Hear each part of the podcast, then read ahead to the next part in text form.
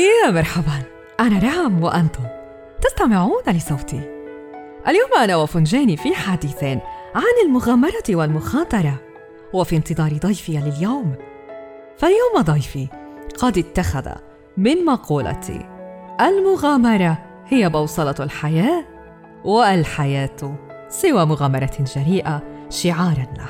فبالرغم من حداثة سنه إلا أنه يعد أول شخص بالشرق الأوسط يقوم بتسلق القمم البركانية السبع ويعد الأصغر عالمياً.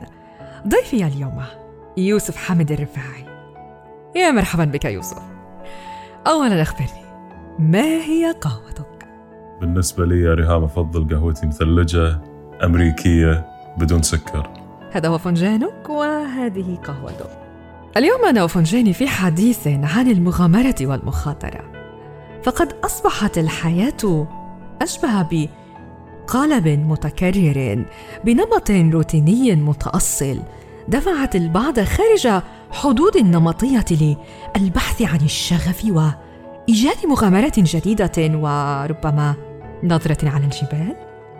المغامرة هذا المصطلح. كيف تعرف المغامرة برأيك؟ وما وراء المغامرة؟ لنعد بالذاكرة إلى الوراء قليلا كيف بدأت رحلة الشغف معك في التسلق؟ لو أردت الحديث عن بداياتي وشلون بدأت في المغامرة وبدأت في تسلق الجبال لازم أرجع بالزمن سبع سنوات بالنسبة حق بدايتي وطفولتي مرحلة بداية الشباب آه، ما كان عندي شيء خارج عن المألوف أو أشياء اللي أسويها مغامرة آه، نفس أي طفل أو أي شاب يحب يستطلع يعني في حب الاستطلاع. فدخلت في أكثر من هواية وأكثر من شيء لكن دائما كنت أحس أن في شيء مفقود. كنت مثلا أروح البحر أروح لهذا كلها أشياء عادية ومتعارف عليها. أه، لما في يوم من الأيام دخلت شفت بوست على موقع من مواقع التواصل الاجتماعي موقع إنستغرام تطبيق إنستغرام. فشفت ان في رحلة حق جبل. فقلت ليش ما أجرب؟ بداية الأمر ما كانت أه، شغلة يعني نقدر نقول أدري إني أنا راح أستمر فيها أو أكمل فيها. آه، لكن رحت الرحلة هذه ومن بعدها بدأ تعلقي في رياضة تسلق الجبال. آه، طبعا يمكن نقدر نقول شمعنا تسلق الجبال. تسلق الجبال يعطي الواحد آه، نقدر نقول نوع من الخبرة. الخبرة في شيء هو ما جربه. مثلا لما أتسلق جبل أنا أنا قاعد أتعرف على ثقافات مختلفة قاعد أتعلم عن الشعب نفسه لأن بالنهاية الجبل كجبل ممكن يعلم الواحد الصبر يعلم الواحد كذي. بس اللي يعلم الإنسان أكثر اللي هو احتكاكه مع الناس هذه لما يشوف هم شلون يعيشون لما يشوف شلون غيره عايش لما يحس في النعمة اللي بين إيده آه راح يعرف معناته معنى الحياة. لما يكون لما الماي عشان كوب من الماء أشربه. أحتاج أذوب الجليد تقريبا 30 دقيقة. هني راح أحس بنعمة المياه اللي إحنا موجودة عندنا. فكل الأمور هذه لا شك أنها علمتني الكثير والكثير. بالنسبة لي المغامرة هي مو الهدف اللي الواحد يوصل له. بالنهاية وصلت أنا أعلى سبع قمم بركانية في العالم. لكن كل اللي استفدته مو ان أنا كوني أصغر واحد أو أول واحد في الشرق الأوسط أو أول عربي، لكن الرحلة هذه كلها واللي اكتسبته من الرحلة كلها أظن هذه هي الفائدة الكبيرة. أبسط الأشياء اللي ممكن استفدتها وقبل آه، آه، بدايتي في تسلق الجبال ما كنت يعني ما كانت فيني الصفة هذه اللي هي نشوف الأمور في تفاؤل أكثر. ما أقول أني أنا إنسان مو متفائل لكن لا شك أنه خلاني إنسان متفائل. أبسط مثال لما يكون في مثلا مكان منحدر شديد الانحدار. لو أنا هني بالكويت معزز مكرم وكذي مثلا شفت مكان كذي؟ راح أقول إن شاء الله حادني ليش ليش بصعد المكان هذا ولا شو اللي أبي أوصل له؟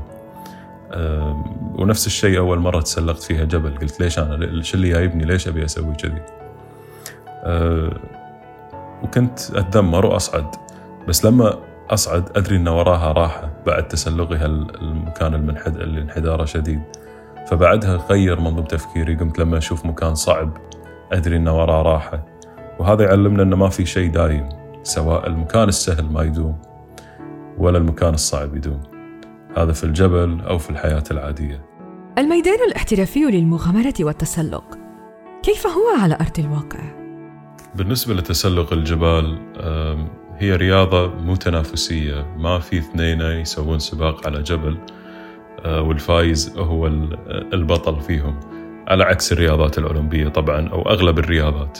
لكن رياضة تسلق الجبال هي رياضة للروح نقدر نقول أكثر. لما الشخص يكون أول شخص آه، يصعد الجبل الفلاني بالنهاية هذا فخر لا هو حق دولته لكن ما هو فخر للرياضة.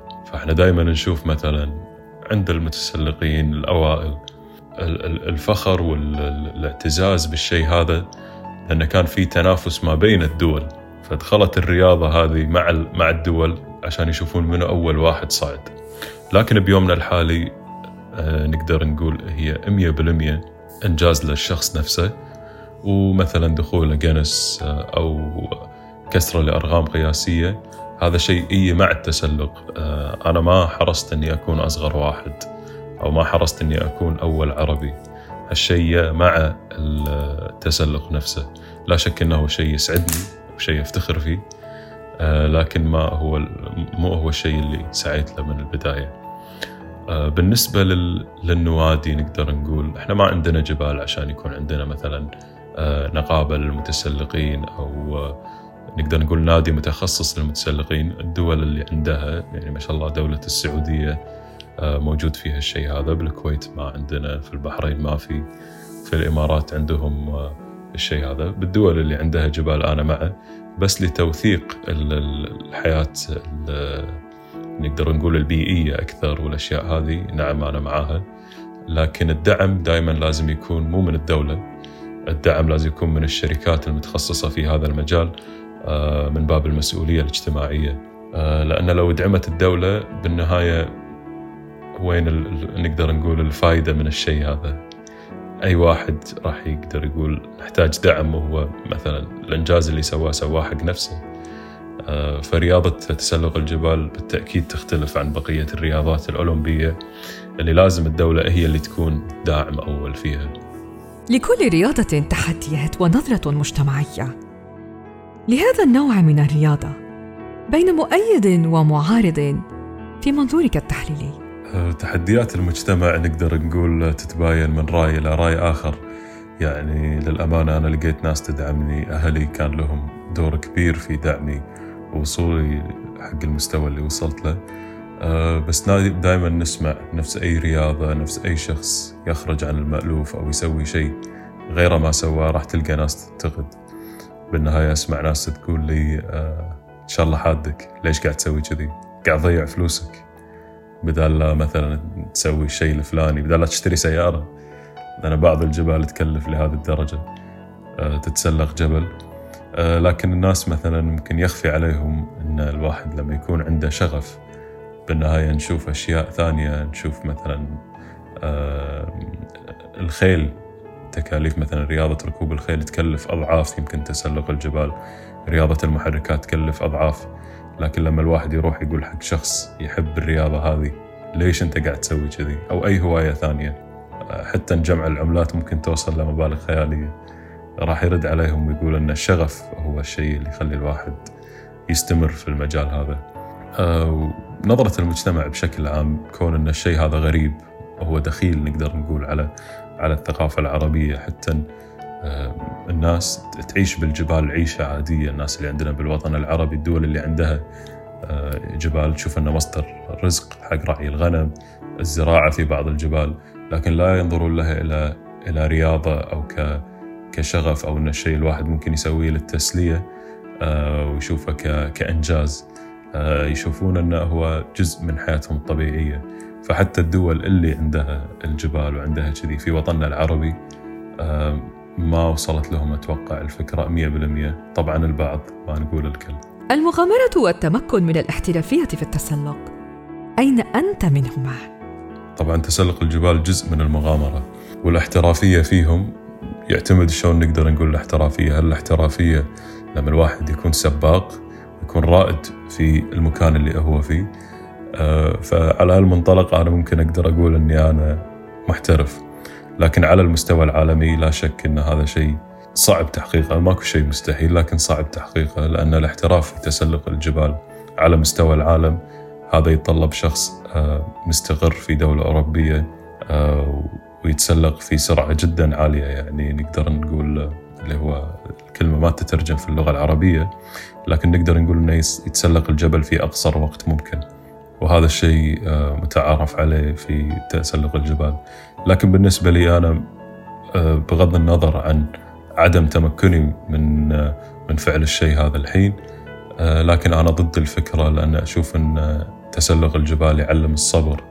لما تسلق الجبل في ثلاث أربع ساعات بدال يوم أو يومين هذا يشيل منا جانب التحدي والصبر.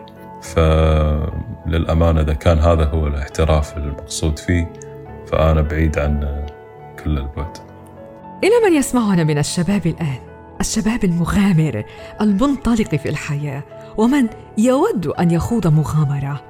رسالة توجهها لهم. رسالتي اللي حاب أوجهها حق الشباب إنه مو الكل المفروض إنه يكون متسلق جبال لكن كل شخص أعتقد إنه المفروض إنه هو يغامر. أتذكر بيت شعر للشاعر أبو القاسم الشابي يقول ومن يتهيب صعود الجبال يغف أبد الدهر بين الحفر.